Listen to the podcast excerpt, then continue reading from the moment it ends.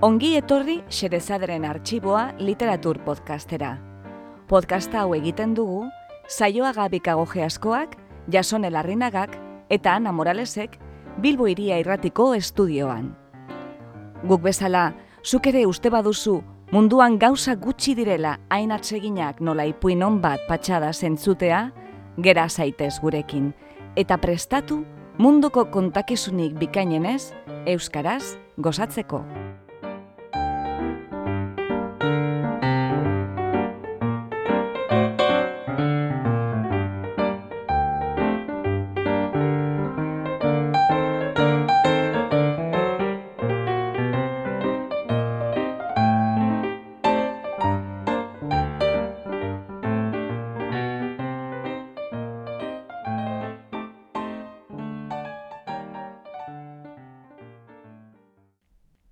Gaur, Xerezaderen arxiboan, Alberto Cairoren poemak, Euskarazko itzulpena eta aurkezpena, Inigo Roque.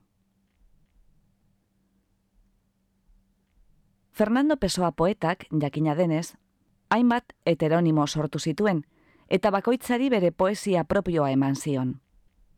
Heteronimoak ez dira ez izenak, ez izen edo luma izenak, egile baten izen faltsuak besterik ez dira heteronimoak aldiz, idazle batek sortutako fikziozko idazleak dira, biografia eta nortasun propioa dute, eta beren obra ere, desberdina da, estilos, gaiez eta mundu ikuskeraz, benetako autorearen obratik.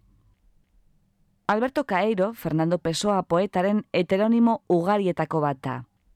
Honela aurkezten digu, Inigo Rokek. Alberto Caeiro Fernando Pessoa izan zenik ere zarantza egin izan dute aditu batek baino gehiagok. Argi dago ostera, haren heteronimoak izan zirela, Belengo monasterioko arlausaren azpian egon ezarren. Asko izan ziren pesoak beretzat aukeratu zituen izenak, norberaren kontraesanak zailkatzeko egina albetean. Zaramagok, maizukiro azaldu zuen Fernando Pesoaren, pertsonaren, nortasunezko arrago hori. Adizkideek esaten zioten etorkizun oparoa zuela, baina ark ez omen zeukan hain gauza segurutzat hori. Horren bestez, bizitzaren onenean hiltzea erabaki zuen bidegabeki, berrogeta zazpi urte zituela, atera kontuak. Ilaginean, betaurrekoak eskatu zituen. Ema eskidazue antiojuak, izan zirenaren azken hitz zentzuzkoak. Gaur arte, inok ez du jakin izan zertarako galdatu zituen. Horrela baztertzen edo gutxiesten dituzte agonian dagoenaren askenitzak. Baina, daitekena da, ark bere burua izpiluan ikusi nahi izatea, jakiteko azkenean nor zegoenan. Parkak, etzion tarterik utzi. Izan ere, ez zegoen izpilurik logelan. Fernando Pesoak ez zuen inoiz xuxen jakin norote zen. Eta zarantza horri esker, apur bat argitzen ari gara nor ote garen gu. Alberto Caeiro, mila sortzereun laro eta bederatzi mila bederatzeun damasei, maixu xaloa da, arderik gabeko hartzain bat. Zentzumenen erabateko bakuntasuna aldarrikatzen du jakintza iturri bakartzat, zientzia eta parazientzia oro arbuiaturik. Naturaren eta unearen poeta ere bada, fizikoa, neopaganoa, baina ez behialako gentilen gixan, espada modu berri, txoil lurtar batean. Eta, aldi berean, haren poesiak geldotasuna nabarmentzen du, estatikotasun estetiko bat, ikusle izan beharra ala beharraren ezinbestearen aurrean, baina fatalismoan iraulkatu gabe.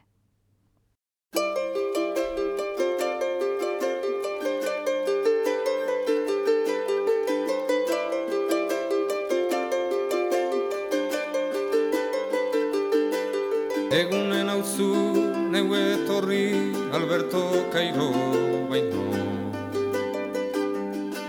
Erraiten zeutan Fernando Pessoa eta mintzairan hasiz eta lokarri gape irauten zuen solasa irauten zuen solasa eta eguzki lorek bezala ikusten zituen.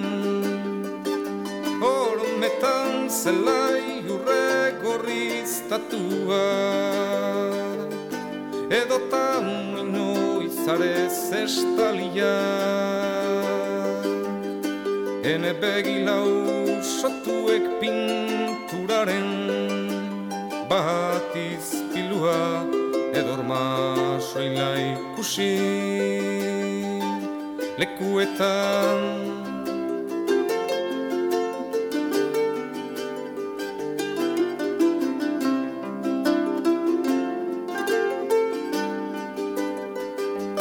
Natura zaharra eta ederra dela erraiten zuen hartzainak ardiei begira bezala apaildu orduko. Euria ekuzkia ilargia eta etxe ataria unkia desiratu eta alde egiten zuen lasai. Sombreruaren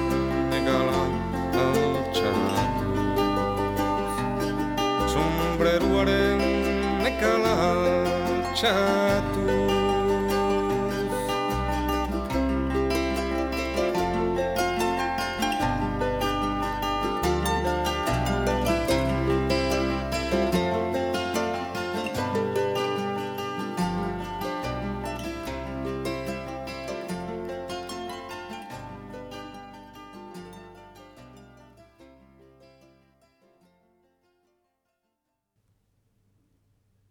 Orain, entzun ditzagon Alberto Caeiroren zenbait poesia Inigo Rokeren itzulpenean. Bi. Nire begira da, ekilore bat bezain hautemangarria da. Bideetatik ibiltzeko ohitura dut, eskerretara eta eskuinetara begiratuz, eta lantzean behin, atzera ere begiratzen dut eta une bakoitzean ikusten dudan hori, aurretik inoiz ikusi gabekoa da niretzat, ondotxo konturatzen naiz horretaz. Badakit harridura existentziala izaten, ume batek jaio berritan lukeen bera, baldin eta benetan ohartuko balitz jaio dela. Sentitzen dut une bakoitzean jaiotzen naizela, munduko berritasun eternalera. Sinesten dut mundua bitxilore bat bezalakoa dela, ikusi egiten dudalako. Baina ez dut hartan pentsatzen, pentsatzea ez ulertzea delako.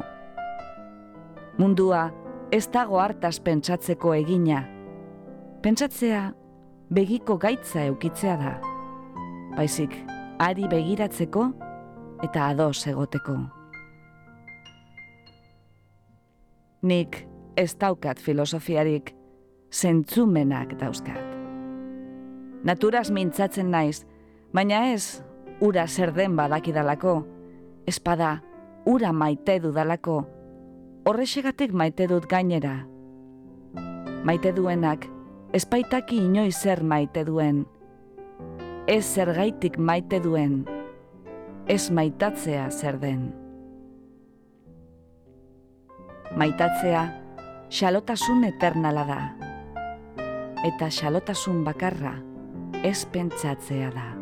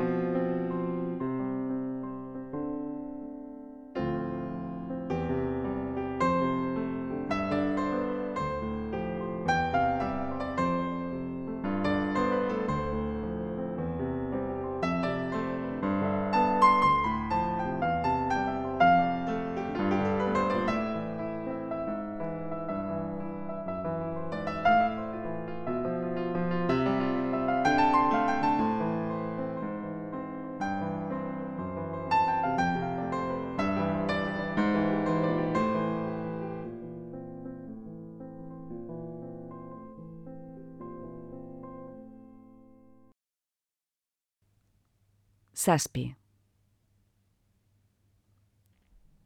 Nire erriskatik lurretik ikus daitekeen unibertso guztia ikusten dut.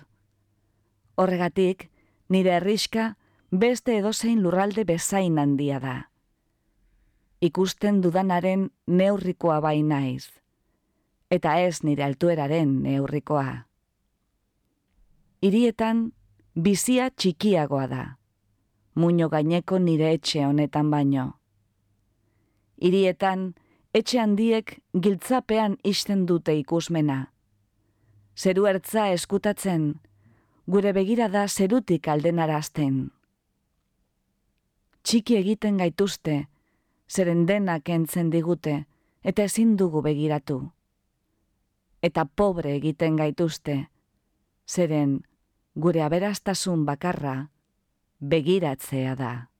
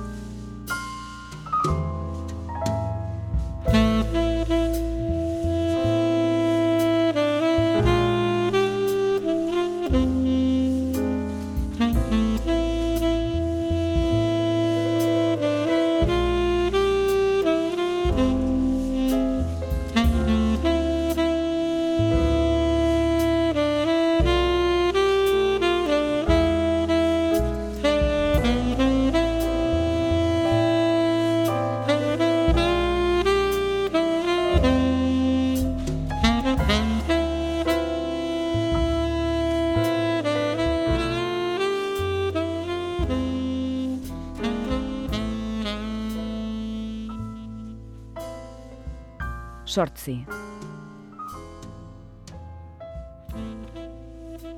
Udaberri ondarreko eguerdi batez, argazki baten tankerako amets bat izan nuen. Jesu Kristo ikusi nuen lurrera jaizten. Mendi mazel batetik zetorren, berriro ere aur bihurturik. Belarretik lasterka eta itzulipurdika, loreak erauziz eta gero botaz, eta urrunetik entzuteko moduan barreka. Zerutik ies egina zen. Gulako egia zen, irutasuneko bigarren pertsona zela itxurak egiteko. Zeruan dena gezurrezkoa zen, ezerrez zetorren bat, loreekin eta zuaitzekin eta harriekin. Zeruan beti serio egon beharra zeukan, eta noizbeinka berriz gizon bihurtu, eta gurutzera igo, eta beti hilaginean egon, arantzasko koroa bat buruan zuela, oinak hiltze burudun batekin josirik, eta are trapu bat gerri bueltan, marrazkietako beltzak bezala. Etzioten usten ez da aita eta ama eukitzen ere, beste aurrek bezala. Haren aita, bi pertsona ziren, Josef izeneko agure bat, zurgina bera, haren aita ere etzena, eta beste aita, uso ergel bat zen, munduko uso satar bakarra, espaitzen ez mundukoa, ez usoa. Haren amak etzuen inoiz maite izan, ura jaio aurretik.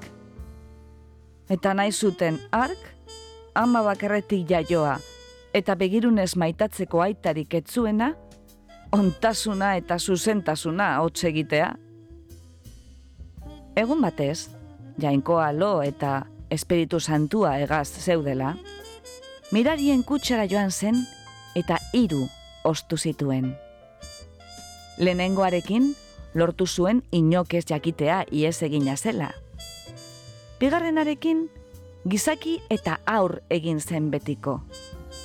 Hirugarrenarekin, Kristo bat sortu zuen sekulako eta betiko gurutzean egon zedin, eta zeruan dagoen gurutzean hiltzaturik utzi zuen, beste entzat eredu izan zedin. Gero, eguzki aldera alde egin zuen, eta harrapatu zuen lehenbiziko argi izpitik ies egin zuen. Gaur egun, erriskan bizi da nirekin, aurre derra da barre egitean, eta naturala eskuin besoarekin garbitzen du sudurra, potxingoetan txipli txapla ibiltzen da. Loreak hartzen ditu, eta txegin ditu, eta hasten ditu. Astoei harriak jaurtikitzen dizkie, fruituak osten ditu sagarrondoetatik, eta txakurrak saiesten ditu, negarrez eta oiuka. Eta, badakienez, etzaiela gustatzen, eta jende guztiari barre eragiten diela, neskatilen atzetik lasterka egiten du, bidez bide aldrandoa zenean, pegarrak buruan, eta gonak altxatzen dizkie. Niri dena erakutsi zidan. Erakutsi zidan gauzei begiratzen. Seinalatzen dizkit loreetan diren gauza guztiak. Erakusten dit, zein alaiak diren loreak, haiek eskuan hartuta, astiro begiratzen diegunean. Gaizki esaka ibiltzen zait jainkoaz, agur ergel eta eri bat dela esaten dit, beti lurreratu egiten eta lotzagabekeriak esaten ibiltzen dela. Ama Virginak trikotatzen ematen ditu eternitateko arratsaldeak eta Espiritu Santuak askurari ekiten dio mokoarekin. Arrotzen da aukietan igota eta zikindu egiten ditu. Zeruan dena da ergela Elisa Katolikoa bezala. Esaten dit jainkoak ez duela ezer ulertzen sortu zituen gauzez. Sortu baldin bazituen, ez dut usteta. Esaten dit, esaterako, izakiek haren aintzari abesten diotela, baina izakiek ez dute deus abesten. Abestuko balute, abeslari lirateke. Izakiak, izan, badira, kitxo, eta horregatik dira izaki. Eta gero, jainkoaz gaizki esaka ibiltzeaz nekaturik, besoetan lokartzen zait Jesus aurra, eta oera eramaten dut altzoan. Ura nirekin bizi da muño gaineko etxean. Ura aur betierekoa da, falta zen jainkoa. Ura gizaki da eta naturala ura jainkosko da, eta barre eta jolas egiten du. Eta horregatik dakit, segurantzia osoz, ura benetako Jesus aurra dela. Eta aurra, jainko bezain gizaki, nire poeta bizimodu arrunt hau da. Eta beti nire ondoan dagoelako poeta naiz beti. Eta neure begirada ez du honek, sentipenez betetzen nau. Eta badirudi, hotzi txikiena ere, edo serena, niri mintzatzen zaidala. Nirean bizi den aur berriak, esku bat ematen dit niri, eta bestea, den beste guztiari. Eta horregatik, biok bidez bide ibiltzen gara, jausika eta kantuka eta irrika, eta gure arteko sekretuaz gozatzen gara. Alegia, jakiteaz, inon estela, munduko misteriorik, eta orok merezi duela. Aur betierekoa nire ondoan dabil beti. Nire begiratuaren noranzkoa, haren atzamar erakuslearena da nire entzumena, hotz guztiei adi, zera da. Belarrietan, olgetan, ark egiten dizkidan kilikiliak. Hain ondo moldatzen gara biok biotara, ororen laguntasunean, non espaitugu elkarren gan pentsatzen. Elkarrekin bizi gara eta bigara, gure artean itun bat eginik, eskuin eta esker eskuena bezalakoa. Gauean, hartxintxarrekin jolasten gara, etxeko ateko mailan. Serio, jainko bati eta poeta bati dagokien gizan. Arri bakoitza, unibertso oso bat balitz bezala. Eta horregatik, harriaren tzat lurrera erortzen ustea, arrisko handikoa balitz bezala. Gero, gizakiei buruzko istorioak kontatzen dizkiot, eta ark barre egiten du, dena sineste zina balitz bezala.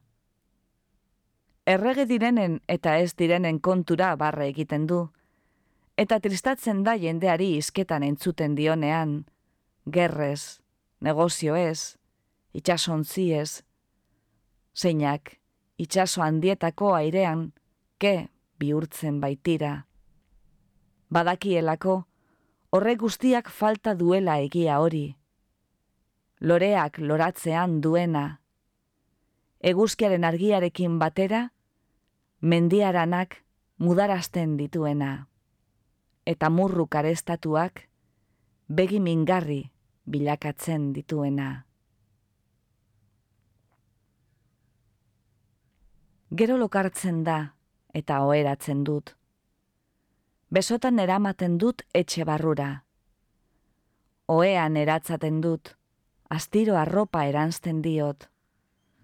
Erritual oso aratz bati jarraikiz bezala, amatasun handiz ura osorik bilusteraino. Nire harimaren barruan lo egiten du, eta batzuetan gau ez hitzartzen da, eta nire ametsekin jolas egiten du.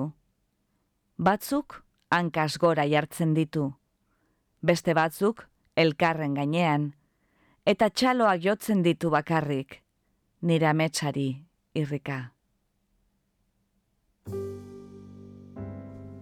Iltzen naizenean, zeme, ni izan nadila aurra, txikiena, arna sasu besotan, eta sarna sasu etxe barrura. Erantz iezadazu neure izate akitu eta gizakoia, eta utz nasazu zure oean eta kontazkida zu istorioak, ni, itxarrizkero, berriro lokar nadin. Eta emazkida zu zeure ametsetatik batzuk jolasteko. Harik eta zuk dakizun edo zein egunetan, berriro jaiotzen naizen arte. Hauxe izan da, nire Jesus aurraren istorioa zer dela eta ezin izan daiteke hain egiazko nola filosofoen gogo eta guztiak eta erligioen irakas gai guztiak.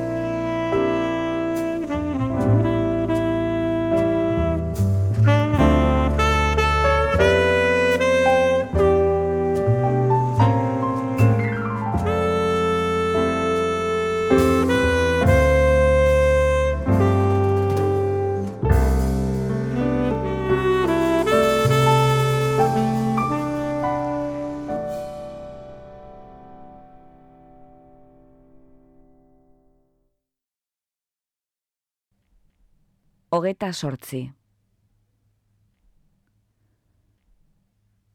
Gaur, poeta mistiko baten liburu bateko ia bi horri alde irakurri ditut.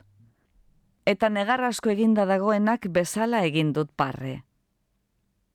Poeta mistikoak filosofo gaixoak dira. Eta filosofoak gizaki gizagaixoak. Izan ere, poeta mistikoek esaten dute loreek sentitzen dutela, eta esaten dute harriek arima dutela, eta ibaiak estaseatzen direla ilargipean. Hala ere, loreak sentituko balute, ez lirateke lore, pertsonak lirateke, eta harriek arima balute, bizidunak lirateke, ez harri. Eta ibaiak ilargipean estaseatuko balira, ibaiak gizaki gaxoak lirateke. Ezinbestekoa da loreak eta harriak eta ibaiak zer diren ez txakitea haien sentimendu ez jarduteko. Harrien, loreen, ibaien harimaz jardutea, eta nok bere buruaz eta bere pensamendu faltzu ez jardutea, bat baitira jainkoari eskerrak, harriak harri dira. Eta ibaiak ez dira ibaiak baizik, eta loreak bakarrik lore. Nire dagokidanez, nire bertsoetako prosa idazten dut. Eta aski dut horrekin, badakidalako, natura kanpotik ulertzen dudala. Eta ez dut bakarrik ulertzen, naturak espaitu barrurik. Bestela, ez litzateke natura.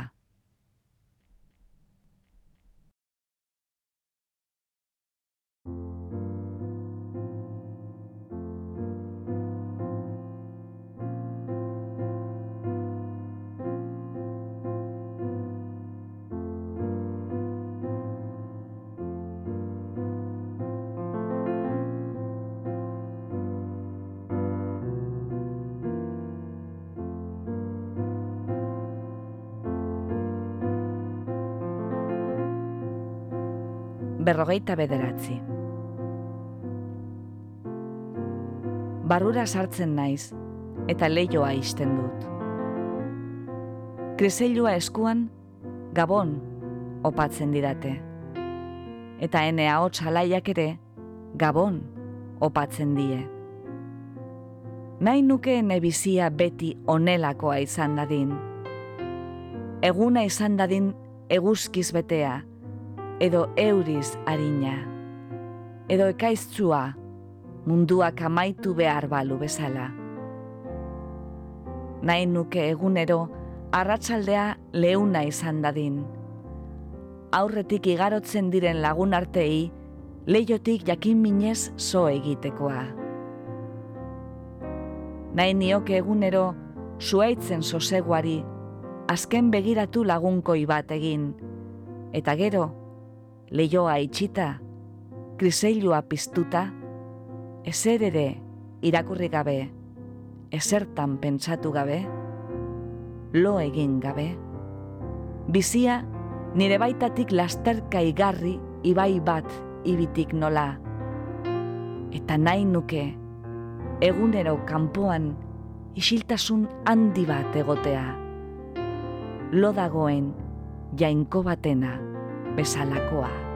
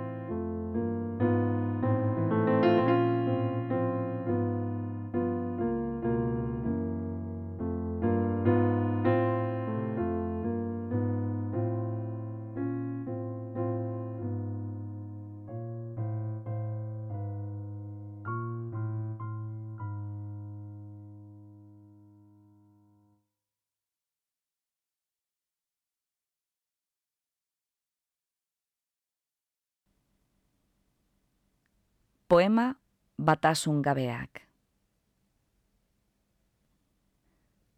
Zibilizazioa hitz egiten duzu, eta izan behar ez duenaz, edo alako izan behar ez duenaz. Diozu, denek sufritzen dutela, edo gehienek. Giza kontuak dauden daudenean baitaude. Diozu, bestelakoak balira, gutxiago sufrituko luketela. Diozu, zuk nahi bezalakoak balira, hobe litzatekeela. Entzuten dizut, baina ez adi? Zertarako entzun behar nizuke adi? Zuri adi entzunda, enuke ezer jakingo azkenean. Gauzak bestelakoak balira, bestelakoak lirateke, ez besterik. Gauzak zuk nahi bezalakoak balira, zuk nahi bezalakoak lirateke soilik. Gaixoa zu, eta gaixoak bizitza ematen dutenak, zoriontasunaren makina asmatu nahian.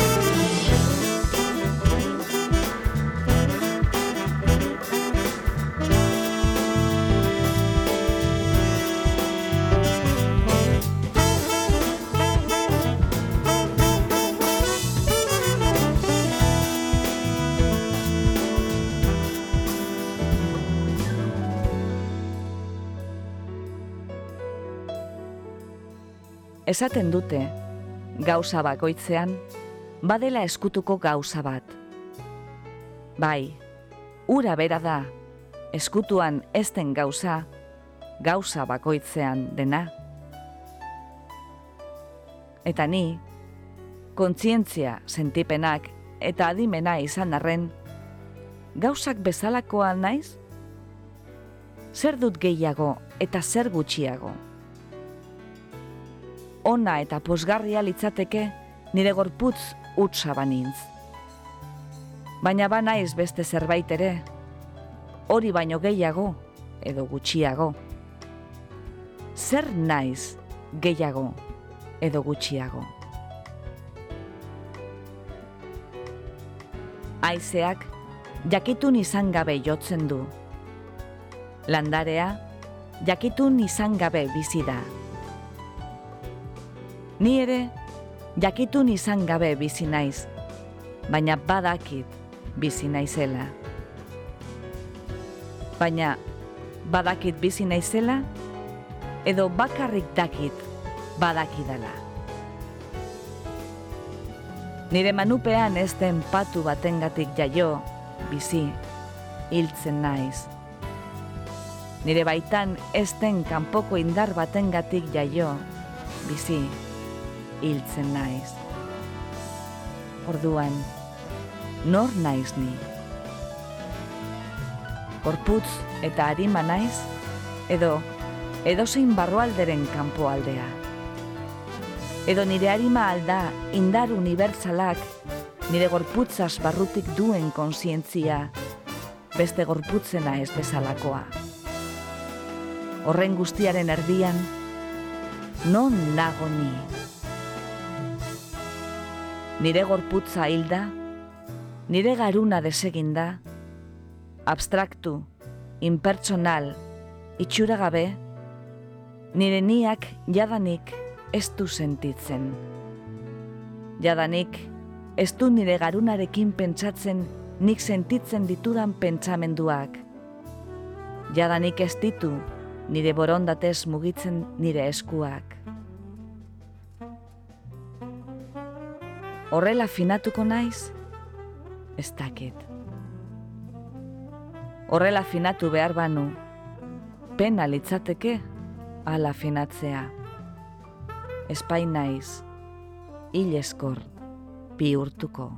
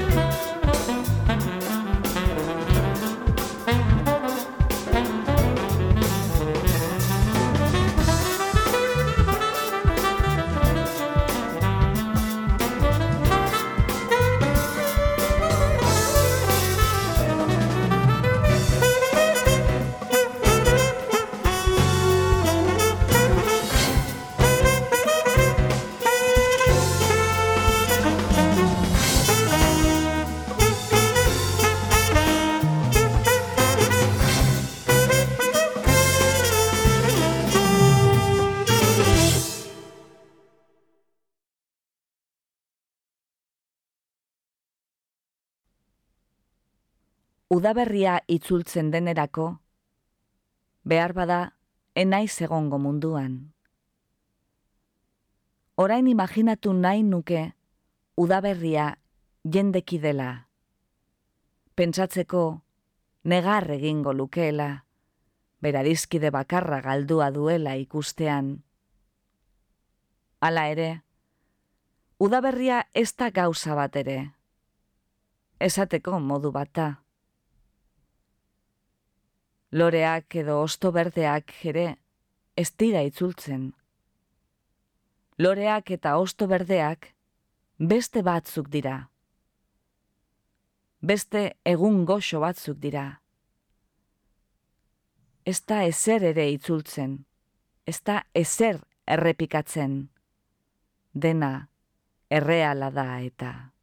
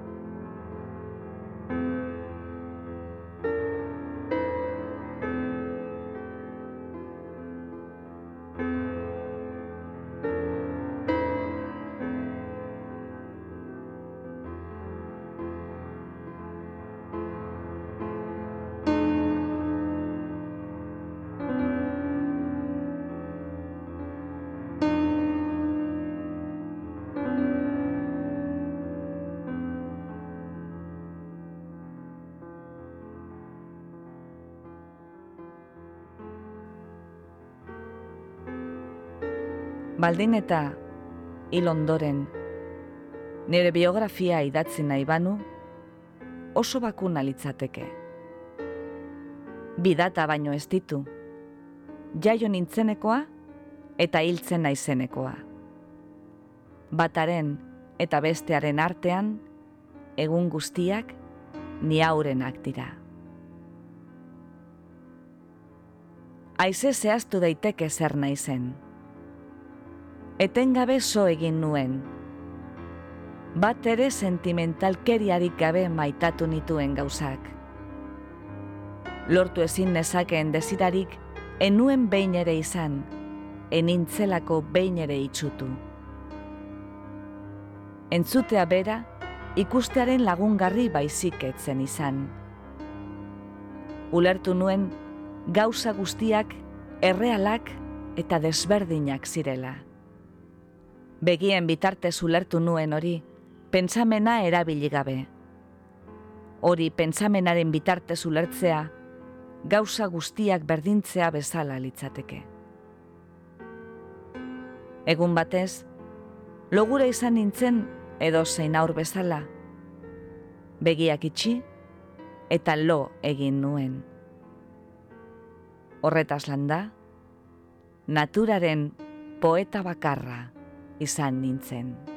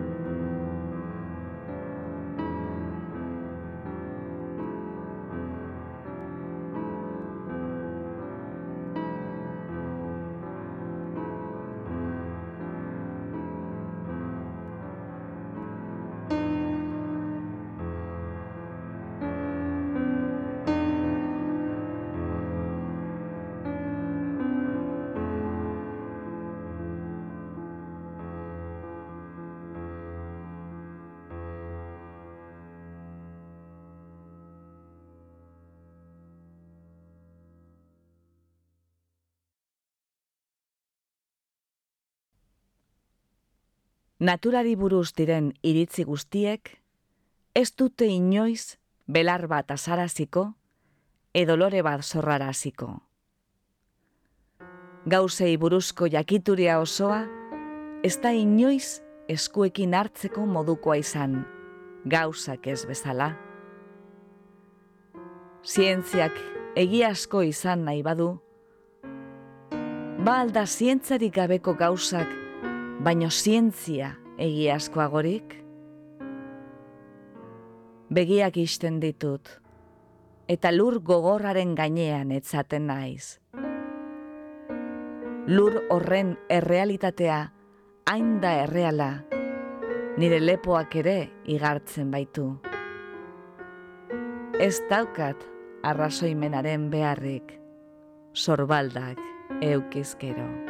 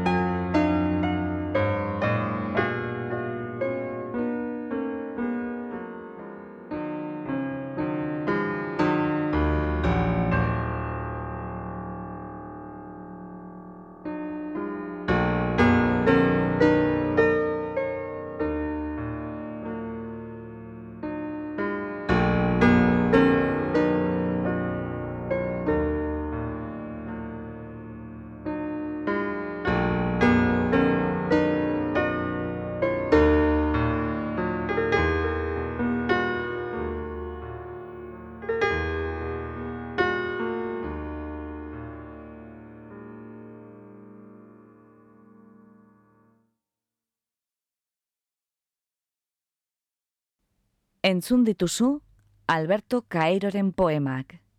Euskarazko itzulpena eta aurkezpena Inigo Roque. Bisitatu Inigo Rockeren bloga idaskola.com elbidean.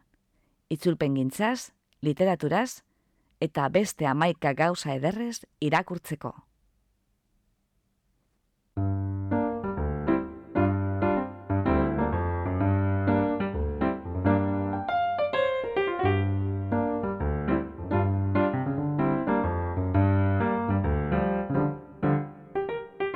Xerezaderen artxiboko beste atal bat entzun duzu. Gure doinoa da, Charleston Behind the Attic Door, Dance of the Winds taldearena.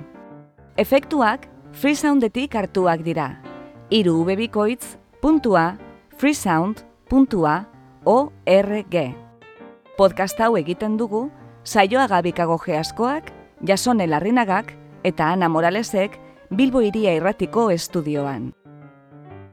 Mila esker gurera hurbiltzeagatik. Gustora egon bazara, etorri urrengo batean berriz ere, xedezaderen arxiboa literatur podcastera. Laster arte!